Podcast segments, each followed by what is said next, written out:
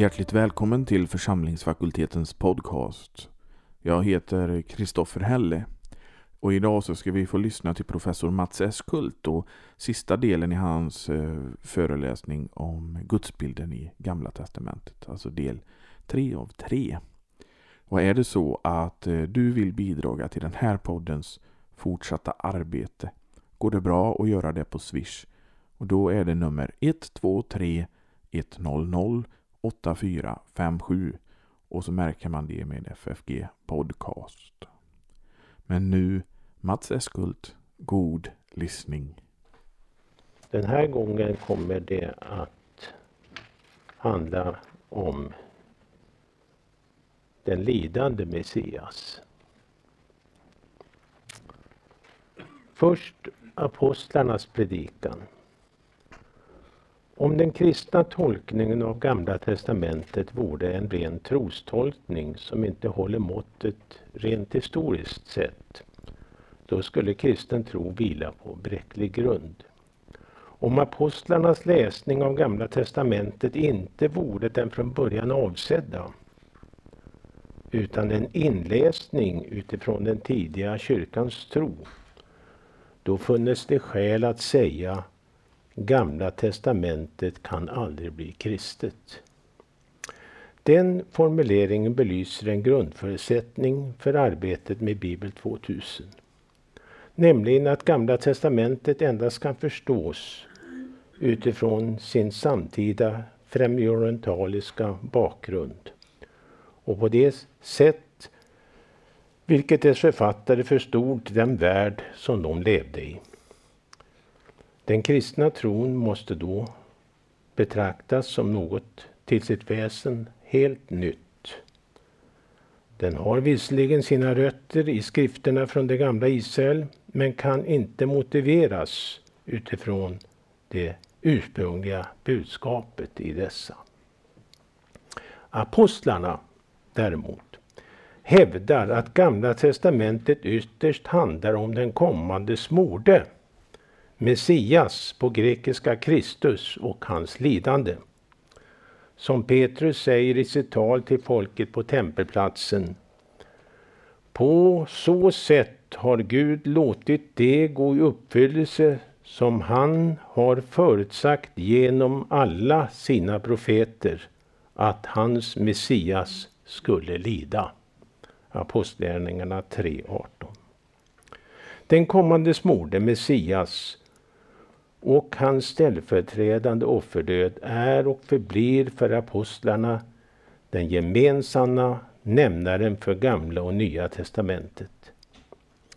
Den insikten var inget som de mödosamt kom fram till när de i efterhand sökte förstå vad som hänt med Jesus. Nej, det är vad Jesus själv undervisade dem om. Inte minst i orden vid sista måltiden. Där säger Kristus, jag säger er att med mig ska det ord i skriften gå i uppfyllelse som lyder, han blev räknad bland förbrytare. Ty, ty nu fullbordas det som är sagt om mig. Lukas 22.37 Gamla testamentets skrifter fick för apostlarna sin fulla förklaring i ljuset av Jesu återlösningsverk som Paulus säger i Andra kor 1.20. Alla Guds löften har fått sitt ja genom honom. Det finns alltså inga löften som fortfarande väntar på sin uppfyllelse. Enligt skrifterna skulle Messias födas i Betlehem som förbundets ängel skulle han komma till sitt folk och då både som Gud av evighet och människa av Davids ett. Han skulle återlösa inte bara Israel utan alla människor. Och det är inte bara från timlig utan från evig nöd. Han skulle göra det som överste präst för evig tid. Ja, han skulle återlösa människosläktet genom att hans liv blev till ett skuldoffer, som det står i Jesaja 53.10. Och då kommer vi till Jesajas vittnesbörd. Jesaja är den som utförligast skildrar hur Messias återlöser människorna genom sitt blod. Hans bok kan liknas vid ett altarskåp med ett mittparti och två flyglar. Mittpartiet är kapitel 36 till 39, alltså den historiska delen. Först berättas där om kung Hiskia och Assyrien.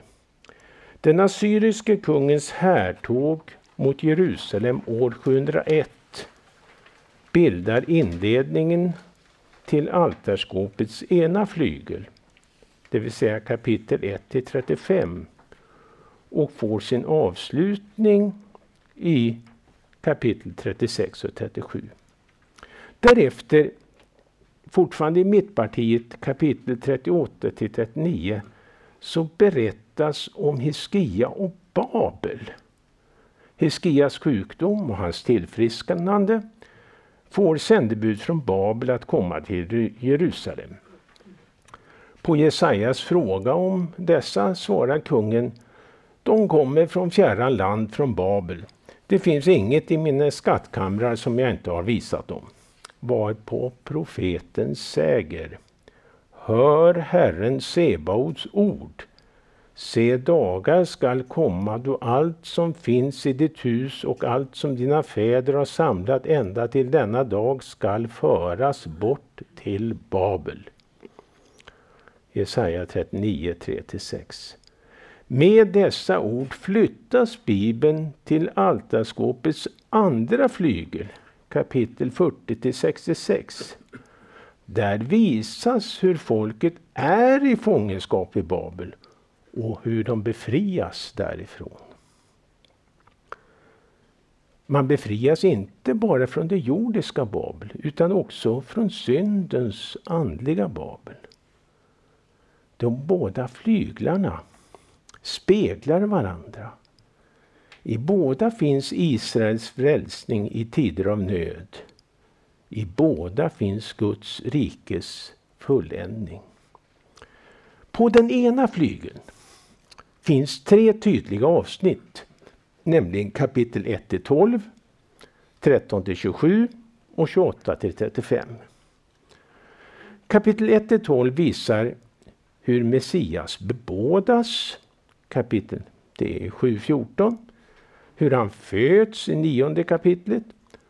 Och hur hans rike ter sig i elfte kapitlet. Kapitel 13 till 27 visar på Guds dom över hedningarna och det gudlösa Babel. För att till slut mynna ut i den kommande världsdomen. Kapitel 28 till 35 tar styckevis läsaren tillbaka till Juda och Samarien. Den messianska tiden framträder i slutet av det här avsnittet. Där står det Då skall de blindas ögon öppnas och de dövas öron upplåtas. Då skall den lame hoppa som en hjort, den stummes tunga jubla. 35, vers 5-6. Det är alltså innehållet i, som visas då på den här ena flygeln om vi behåller bilden i kapitel 1 35. Eh, och för att se lite närmare på det. Det barn som Jesaja sett bebådats i sjunde kapitlet sedan alltså födas i det nionde. Ett barn har fötts, en son är oss given, väldet är lagt på hans axlar. 9.6. Och i elfte kapitlet beskriver han hur detta barn en gång ska härska. En spira skjuter upp ur Israels, Isais stubbe, ett skott från dess rötter bär frukt. Så börjar elfte kapitlet. Ordet för spira, hoter, betecknar alldeles som på svenska både en rak trästam och, och en härskastav. Medan ordet för skott, netzer, står för något spädare och det tolkades faktiskt som blomma i den grekiska översättningen. Därav den kända julsalmen Det är en ros utsprungen. I kapitel 35, för att hoppa framåt, så beskrivs det kommande Gudsriket. Då blindas ögon öppnas och dövas öron hör. Och när Jesus i Matteus 11.5 svarar på frågan från Johannes döparens lärjungar om han är den kommande Messias, då svarar han med hänvisning till just Jesajas beskrivning. Han säger Gå och berätta för Johannes vad ni hör och ser. Blinda ser, lama går, spetälska blir rena, döva hör, döda står upp och för fattiga förkunnas evangelium. Den här beskrivningen, som då är längst bort, slutar så att säga det vi ser här på den första flygen, den ena flygen, det föregriper det vi sen ser längst bort på den andra flygen i slutet av Jesajas bok. Som visar hur Guds rike tar gestalt som en följd av den lidande tjänarens offerdöd. För här på den andra flygeln, om vi ser på den, i kapitel 40 66, då är folket redan i Babel.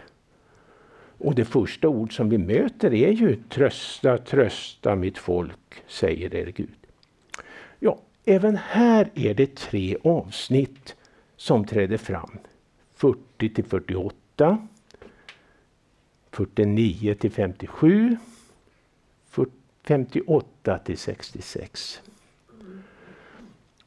40 till 48 visar befrielsen från det jordiska Babel i tre led.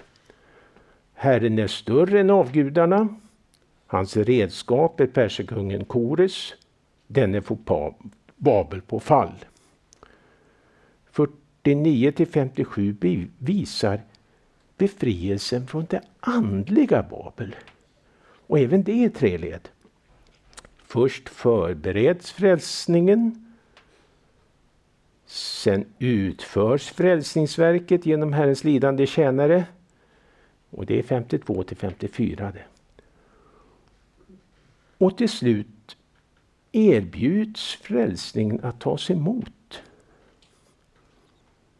Om vi sen kommer till det allra sista, 58 till 66, då ser vi där bilden av hur Guds rike framträder och hur kunskapen om Messias rike når till hedna folken.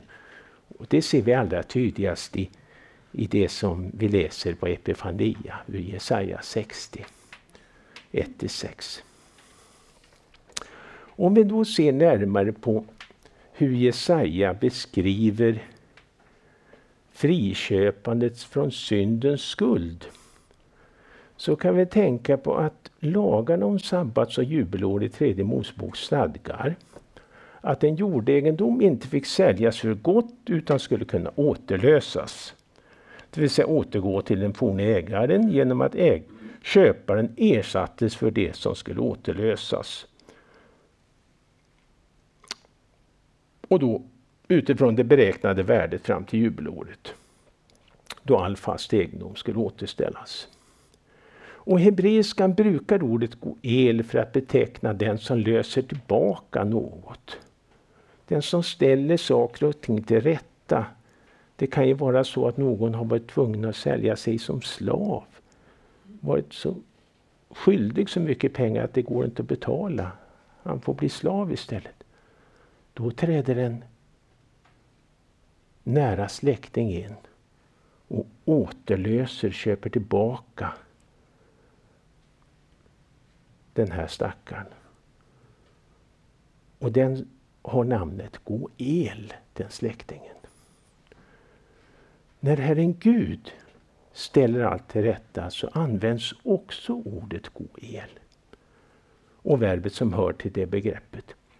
Läget i Egypten var förtvivlat för Israels barn. Vem skulle lösa ut dem från slavtillvaron? Och inför mötet med farao säger Gud till Moses Jag ska återlösa er med utsträckt arm. Så befrielsen från slaveriet där i Egypten omtalas i Gamla testamentet som en återlösning, ett friköpande. Till exempel, med din arm har du återlöst ditt folk ur, Jesaja, ur Psaltaren 77.16. Och på flera ställen i Jesaja sägs att Herren själv är Israels gå-el, återlösare. Där står vår återlösares namn är Herren Sebaot. Jesaja 47.4. Så det är en viktig del av Gamla testamentets gudsbild att Herren Gud är Israels Goel, återlösare. Den som återlöser folket friköper dem från deras fångenskap. Persekungen Kores erövrade Babel 539 f.Kr. och därmed så var ofrihetens tid slut och folket kunde återvända till sitt land. Men Kores var bara ett redskap för Guds plan, inget mer. Hans insats förebådar Guds verk genom den som är Herrens tjänare i särskild bemärkelse. Han som är Guds utvalde och som skall föra ut rätten till folket. Jesaja 42.1. Samtidigt som denne tjänare handlar med Israel så tilltalas han med detta namn. När Gud säger Du är min tjänare Israel genom vilken jag vill förhärliga mig. 49.3. Så vem är då den här tjänaren? Tre ting är tydliga. Han handlar med Israel. Han träder fram i jag-form. Han har en, en uppgift och den uppgiften är att föra Israel tillbaka till Gud. Men inte bara Israel. Utan alla folk ska föras till Gud. För Herren säger, jag ska sätta dig till ett ljus för hedna folken för att min frälsning ska nå över hela jorden. I 49, 5 och 6. Men för att det ska ske måste tjänaren lida. Jag lät dem prygla min rygg.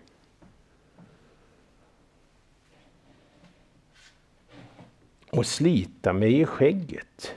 Jag gömde inte ansiktet för hån och spott. Jesaja 56.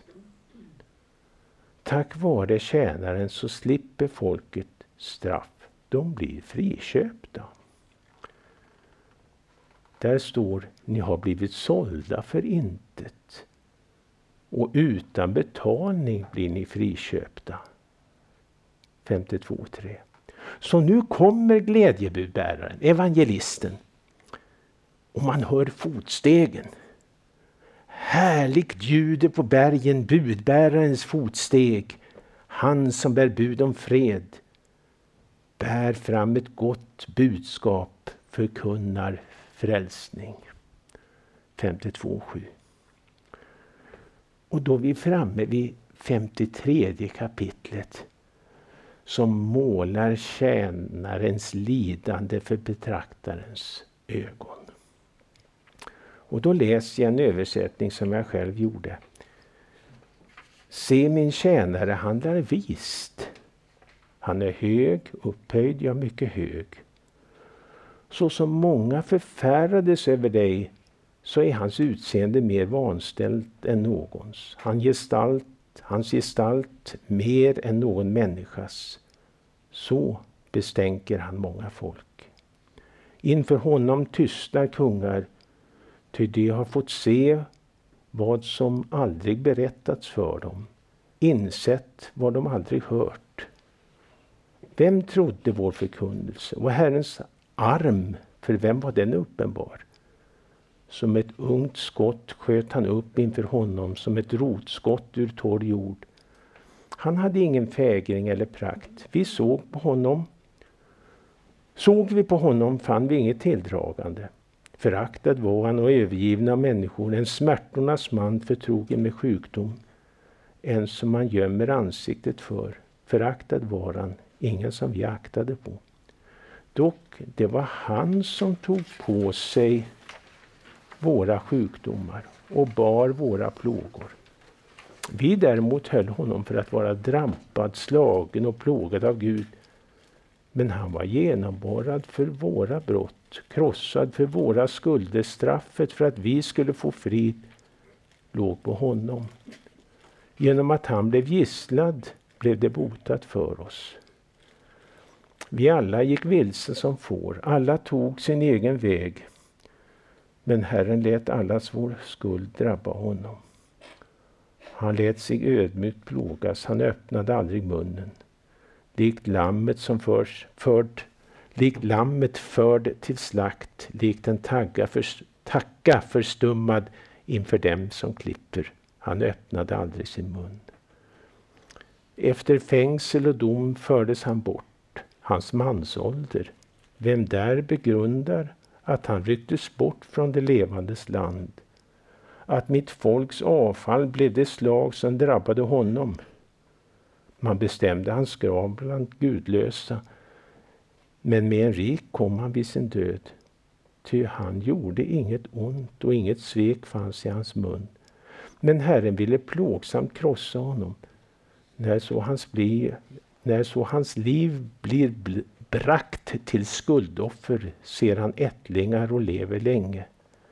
Det som Herren önskar ska lyckas genom honom. Av sin själs möda ser han ljus, är förnöjd. Genom kunskap om sig skall denne rättfärdige min tjänare rättfärdiggöra de många i det han bär deras synder. Därför ger jag honom de många som del, det mäktiga fördelar han som byte. Ty han utgav sitt sig själv i döden eller sitt liv i döden och räknades bland upprorsmän. Han som tog på sig det många synd och bad för det upproriska.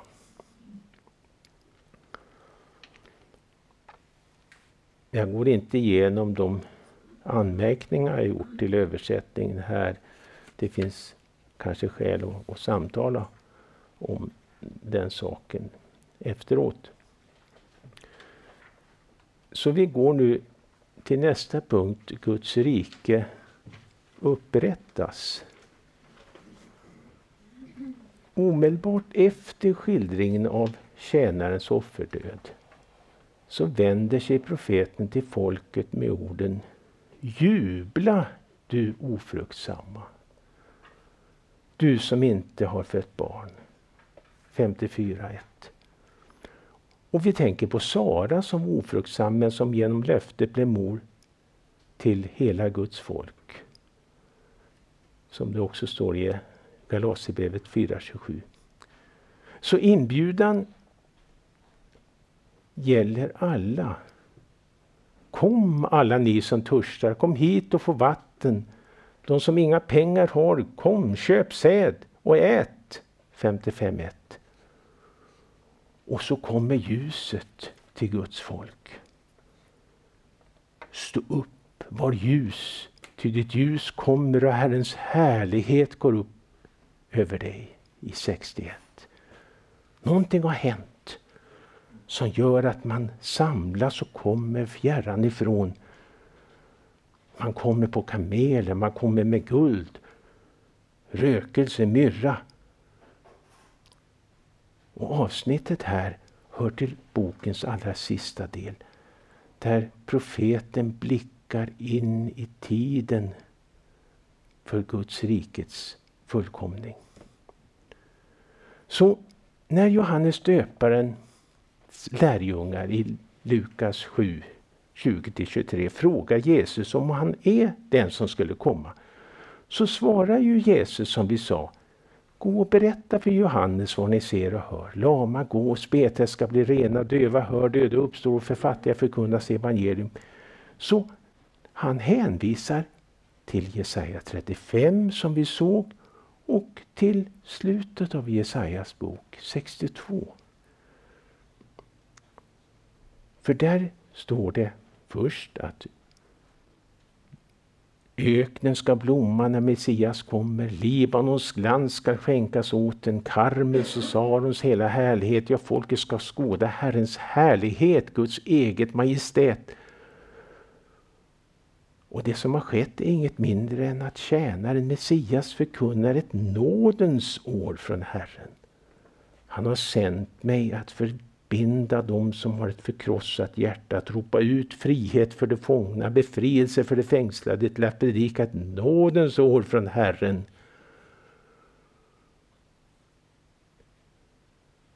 Och det är dessa människor som ska kallas det heliga folket.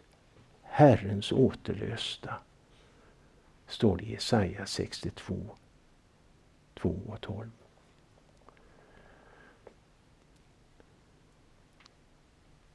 Det här är alltså löftet som Jesaja ger. Och nu kommer väntan på riket.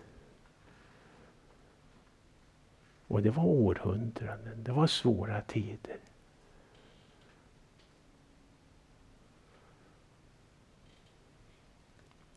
Men så gör sig folket fritt från det grekiska väldet då Selevkidertiden och som tagit makten efter, efter Alexander den store.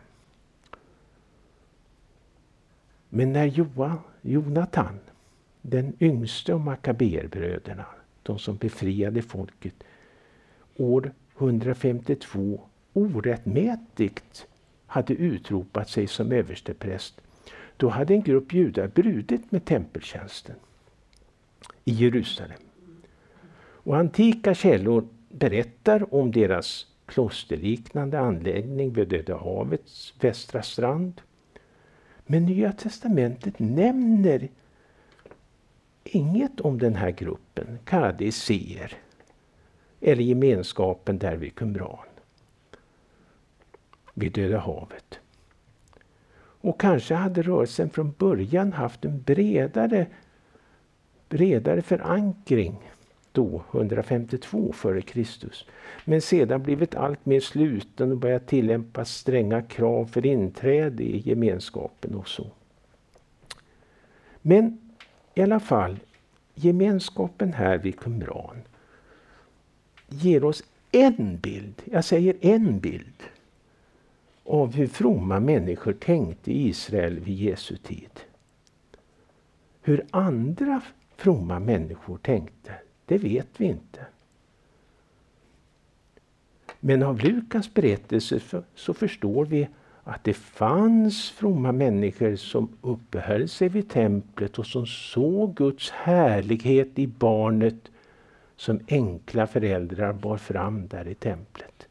Den gamla Hanna kommer fram till Josef och Maria och prisar Gud och berättar om barnet för alla de som väntade på Jerusalems återlösning, står det.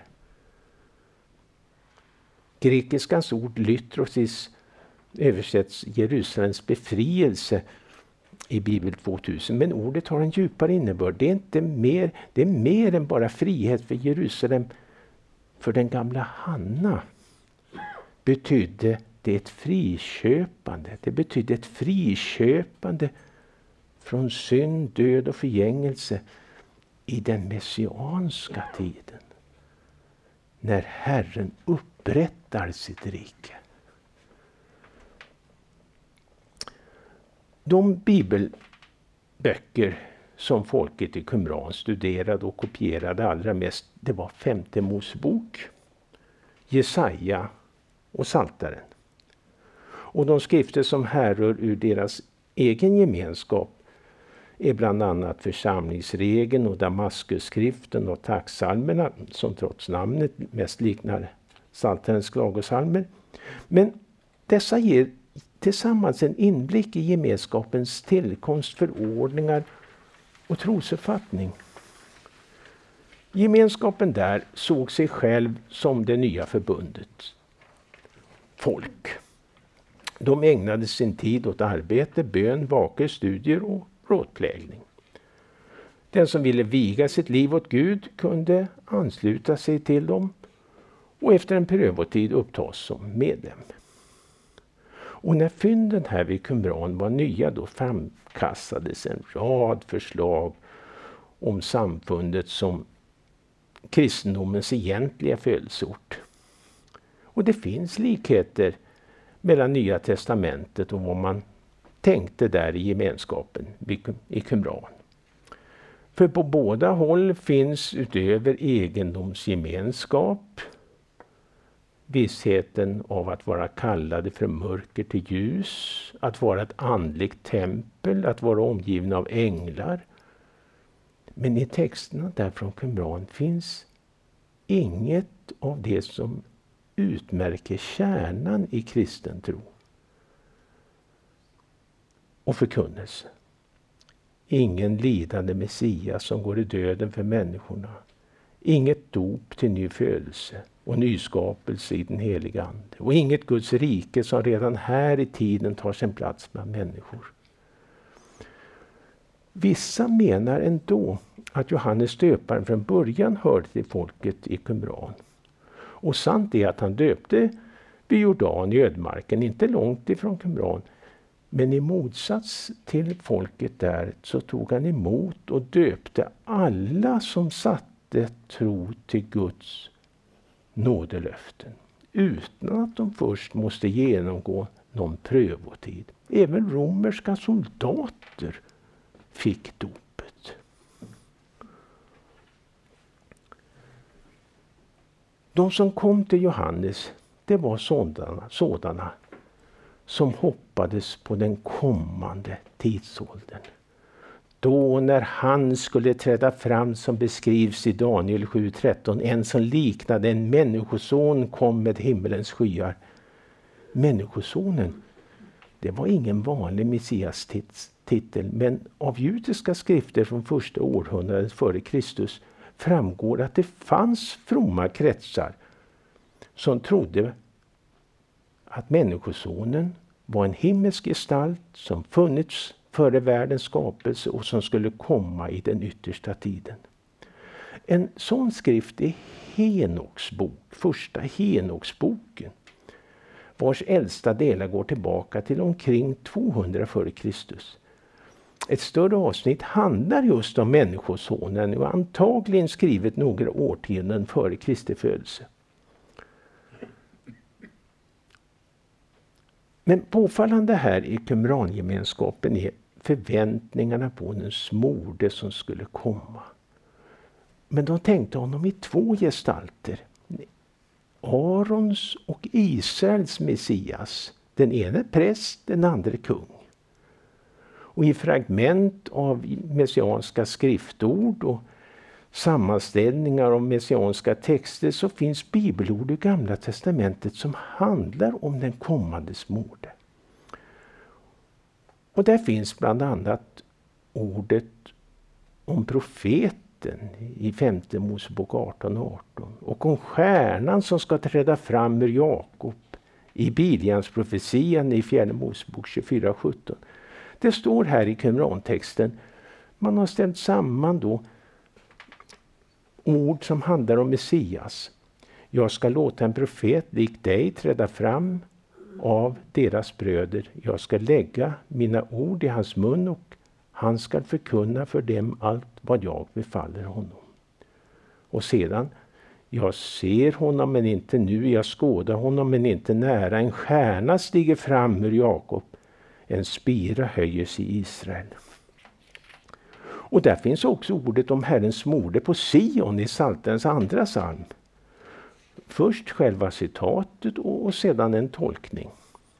Jordens ko konungar reser sig och furstarna gaddar sig samman mot Herren och hans morde. Och så kommer skriftstället handlar om Israels utvalda i den yttersta tiden. Tacksalmerna från grotta 1 där i Qumran speglar gemenskapens syn på Gud och människa. Be, den består av 25 hymner där Gud prisas för sin rättfärdighet. Och liksom i Saltaren som ber den botfärdige om att bli renad från synd Och i en, i en hymn heter det Jag vet att ingen utom du är rättfärdig.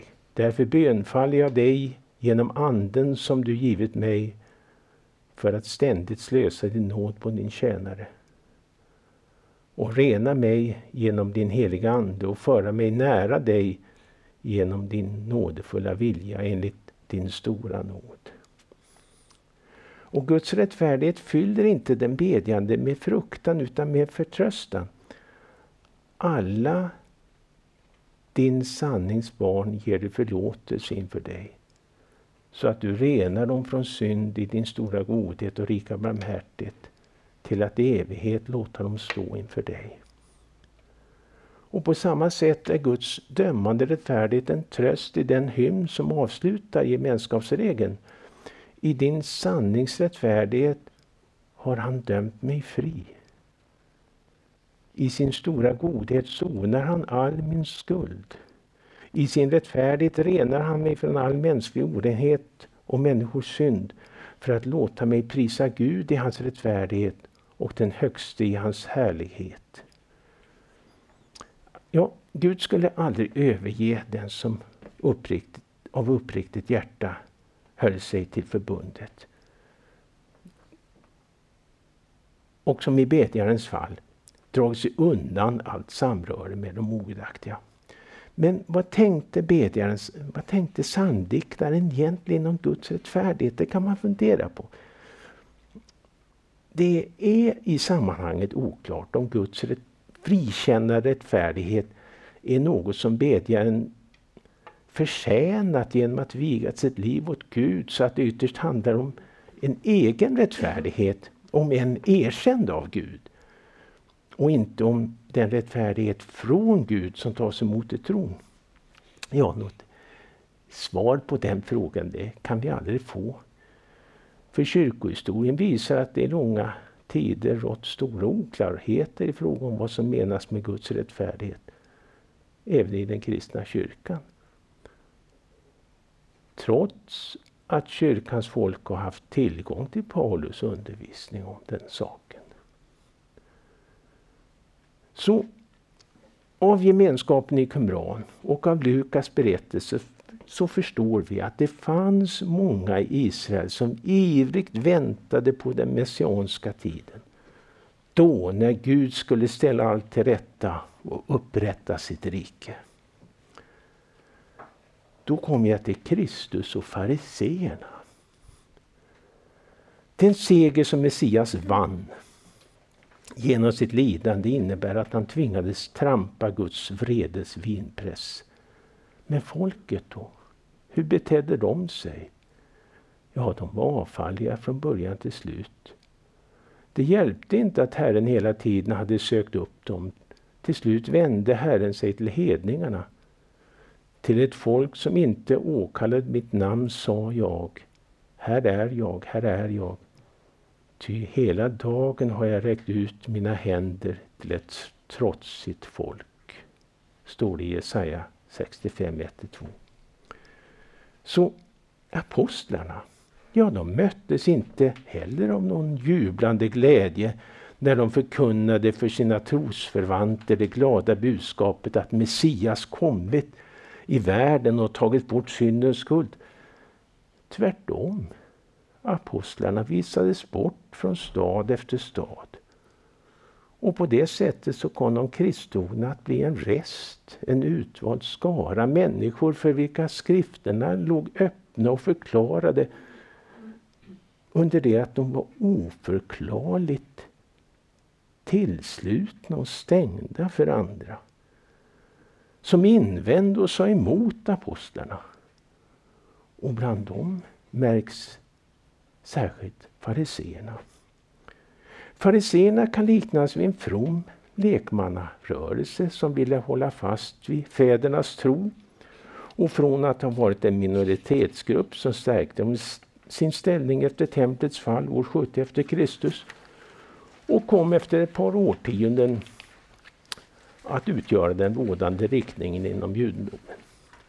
De var övertygade om att Moses vid Sinai även hade given, fått och givit en muntlig lag, det äldste stadgar, med samma krav på tilltro som den skriftliga lagen. Och så för dem gällde det att få folket att helt sluta upp kring Guds lag och på så sätt förbereda den messianska tiden. Fariseism har i vanligt språkbruk blivit liktydigt med hyckleri. Men den som tror att det rör sig om ett medvetet yttre hyckleri har helt missuppfattat saken. Att synda medvetet i tanke på att Gud ändå förlåter är för farisén en fullständig omöjlig hållning. Fariséernas hyckleri i Nytestamentets språkbruk ligger på ett helt annat plan.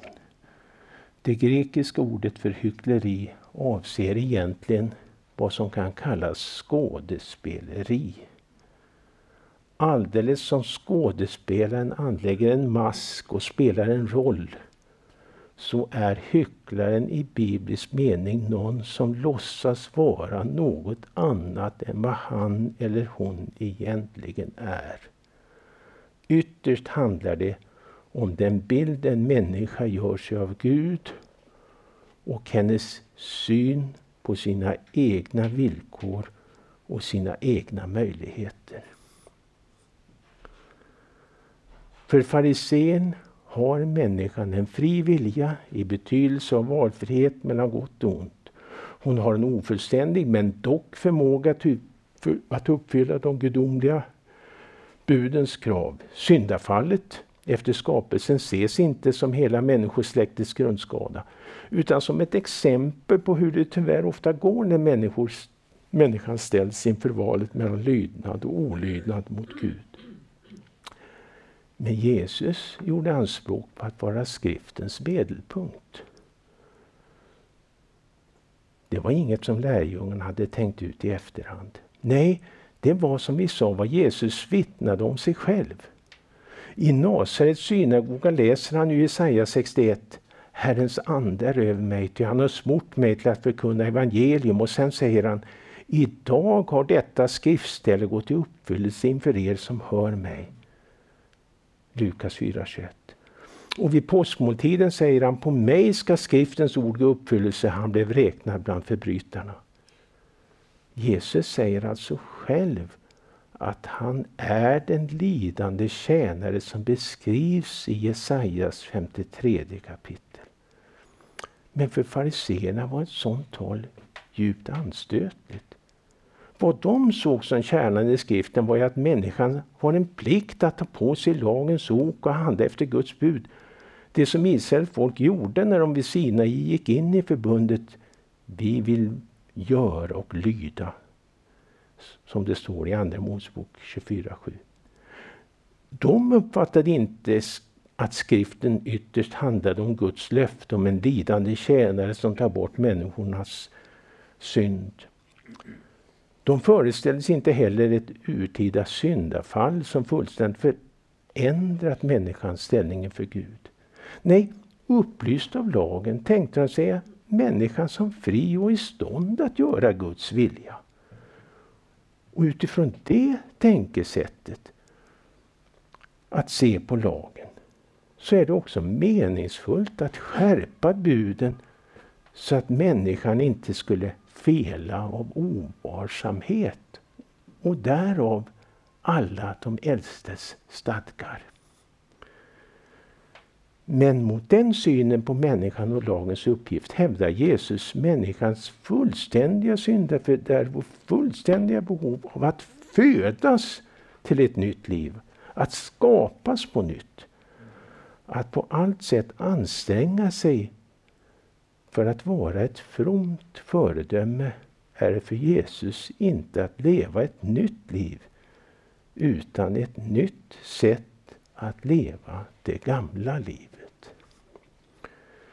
Och till slut gudsbild och bibelförståelse. Den gudsbild som människor har påverkar deras sätt att läsa Bibelns båda delar. Lärjungarna på väg till Emmaus fick av Jesus själv sina ögon öppnade för att i Gamla testamentet se den lidande Guds son som ger sitt liv för folket. Detta bestämde helt och hållet den gudsbild som de fann i skrifterna. Lukas berättar att när Jesus, som de kände igen vid måltiden, hade försvunnit ur deras åsyn så sa de till varandra var inte våra hjärtan brinnande i oss när han talade med oss på vägen och öppnade skrifterna för oss. Människor kan utan att vara kristna läsa Psaltaren med stor andakt. Tänka djupa tankar om livet, dess glädje och sorg, lidandet och till slut döden. Och mycket går att lära av psalmerna när det gäller att förhålla sig till allt som möter en människa på hennes livsvandring.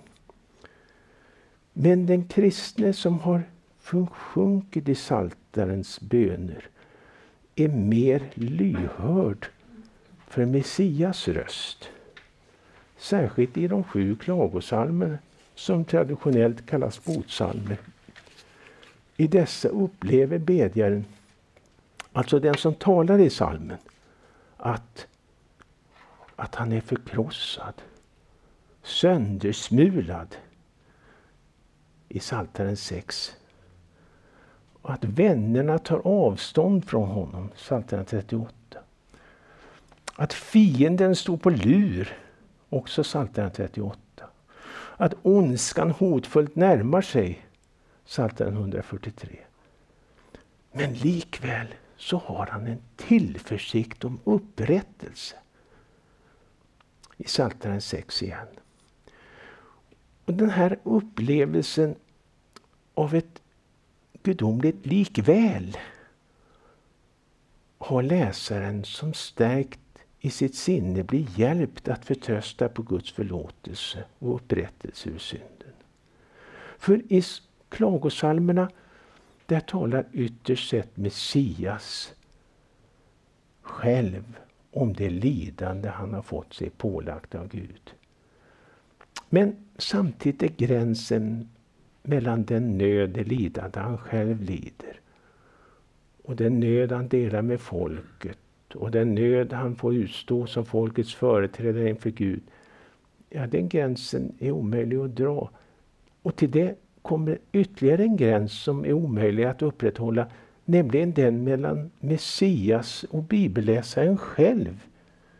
När han eller hon upptäcker att allt som Messias säger och gör blir utsatt för, det gäller också den enskilde kristne.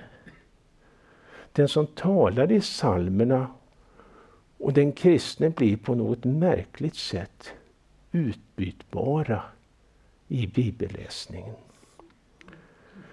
Luther han säger i sin utläggning av Psaltaren 130, vers 3 och 4, där det står